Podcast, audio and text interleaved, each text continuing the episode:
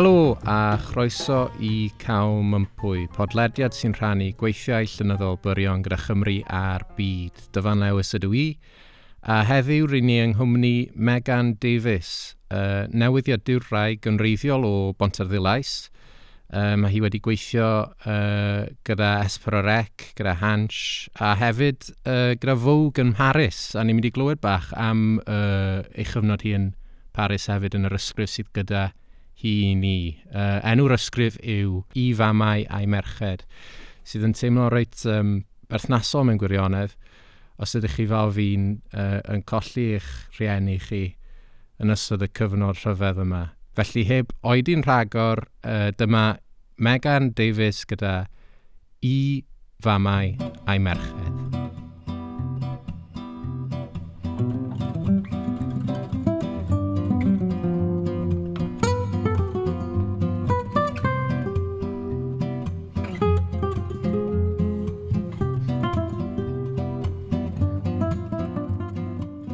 Nid fi yw'r gyrwr gorau.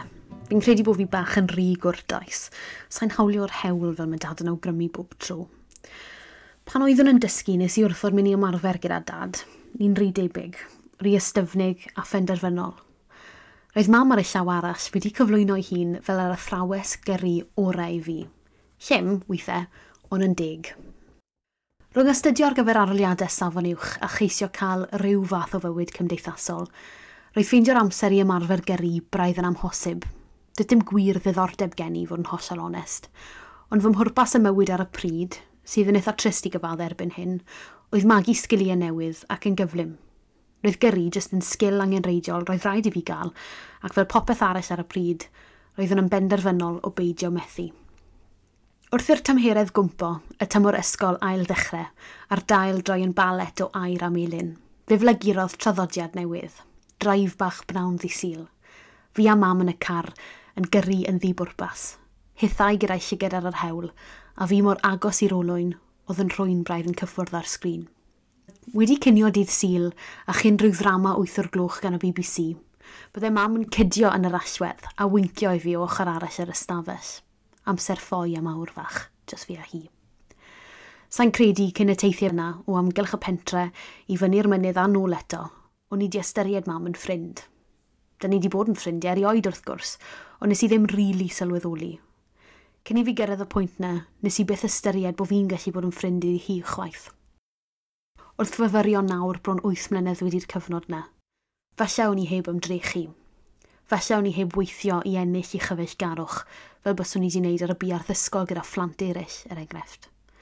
Falle, o'n i jyst i ystyried hi'n ffigwr sownd a sefydlog yn ein bywydau sy'n anwybodus ar fy rannu, really. Fyddech chi'n hoffi mam, mae'n feddal, a sa'n dweud hynny mewn ffordd na ddoglyd. Mae'n gwtsh o berson. I roi hynny mewn cyd-destun, mae gen i ffrindiau sydd yn ei galw hi'n cake yn lle Kate.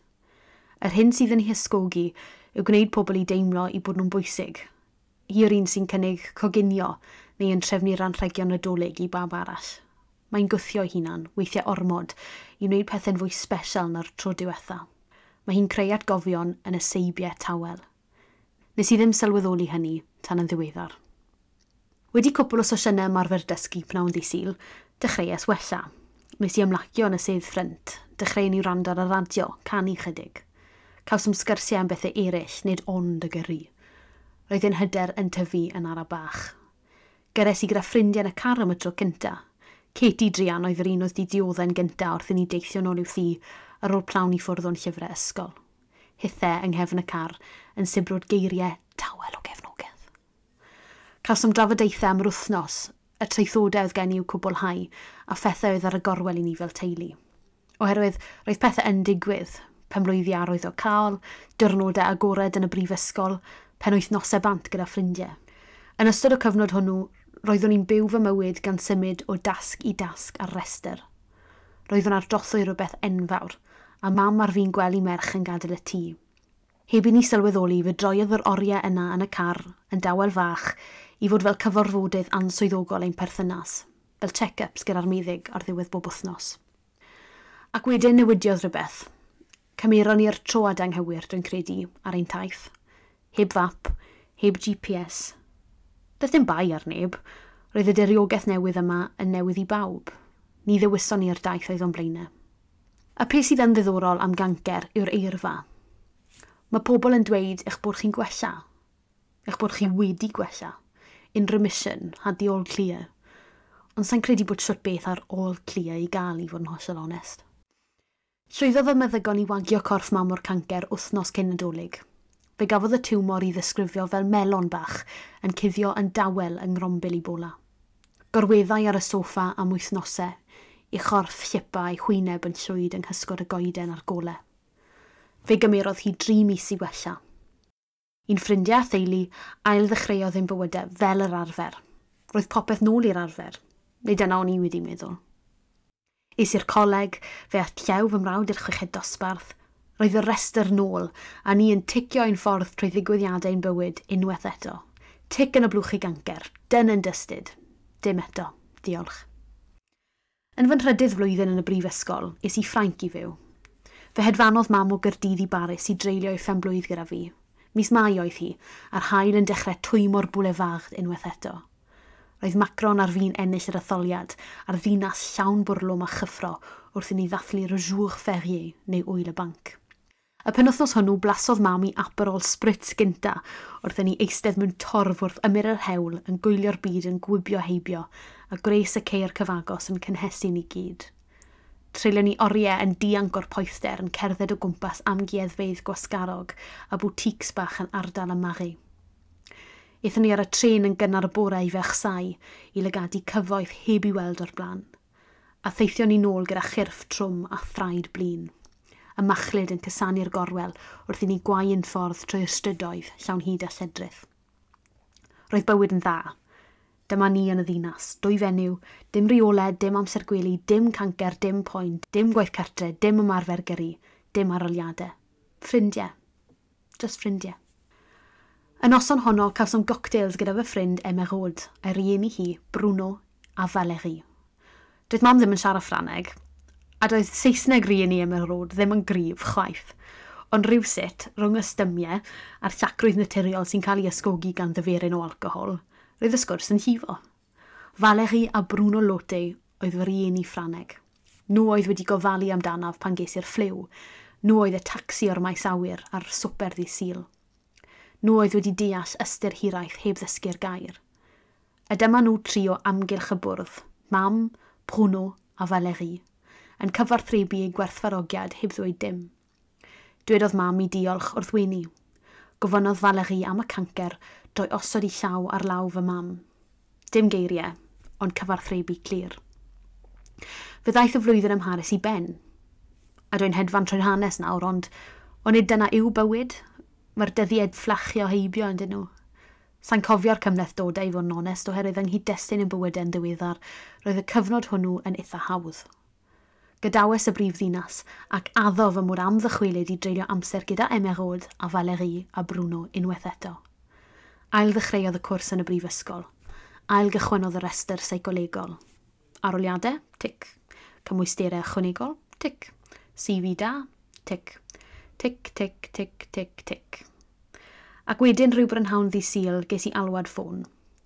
Roedd mam Katie, chi'n cofio Katie yng nghefn y car? Wel, roedd hi mam hi'n dost. Yn sydyn iawn.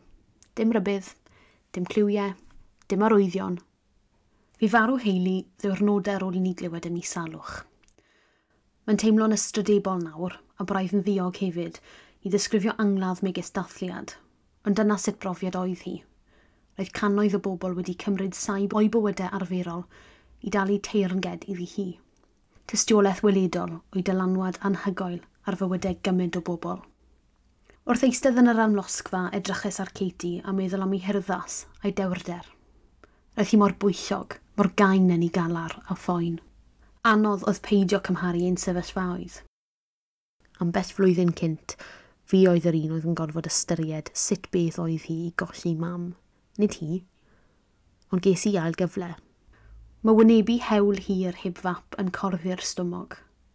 A dyna le oedd Katie, ar lwybr hollol newydd yn ei bywyd, heb i mam wrth ei hochor.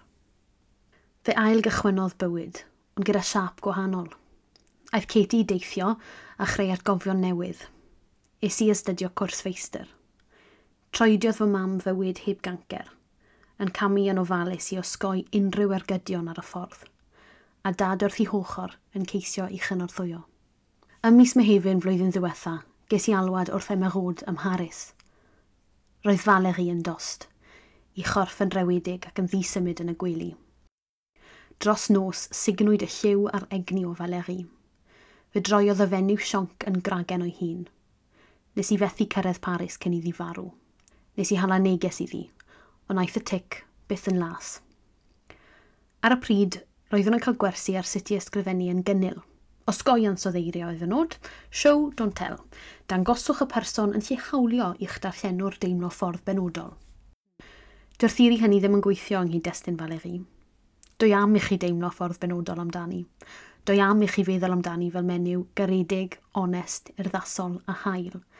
Doi am i chi dychmygu i gwallt lliw siocled wedi ei clymu yn sinion ar gefn i ffen. La Parisienne. Mae blwyddyn wedi mynd heibio ers i Valerie ein gadael. Dim ond yn ddiweddar dwi wedi bod yn siarad â Katie am ei mam hi, bron i dair blynedd ers i fi farw. A mae chwe mlynedd wedi dyflannu ers i fy mam fod yn dost. Dyma'r tro cynta i fi weld y jigso yma yn dod at ei gilydd.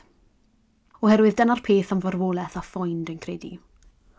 Wrth i chi wynebu'r pethau yma, mae'r hyn autopilot yn arwen y ffordd. Does profiad y ti, neu hyfforddiant o flaen llaw, ac felly does dim dealltwriaeth o beth i wneud. Un dyrnod ar y tro i yn ceisio tywelu'r meddwl wrth fynd trwyddi. Mae'r cyfan yn dydaro ar ben y daith, nid yn ei hystod. Ond nid hanes am farwolaeth mo hwn, hanes am famau a'i merched yw e. Hanes am sut mae bywyd yn ein hergidio ni, tra bod ni'n smalio byw yn ddidrafferth. Ges i ail gyfle i fwynhau fy mam. Wyth ni'n hi fel ffrind a dysgu am y pethau bychan sydd yn ei gwneud hi yn berson. A mae hi'n iach nawr, i ryw raddau. Ond yn ein pen yn ei gyd, mae'r bwysfil bach yn bodoli o hyd, yn bygwth ail ymddangos a newid ein trywydd. Y dyna'r graith sy'n cael ei adael gan gancer – yr ymwybyddiaeth fod popeth yn gallu newid dros nos. A'r wers? Wel, dyw byw dy fywyd o'r ddilyn restre ddim yn syniad da. Mae daioni i'w gael yn y seibiau tawel. A mae rhaid ymfalchuon dyn nhw, tra bod y cyfle dych chi.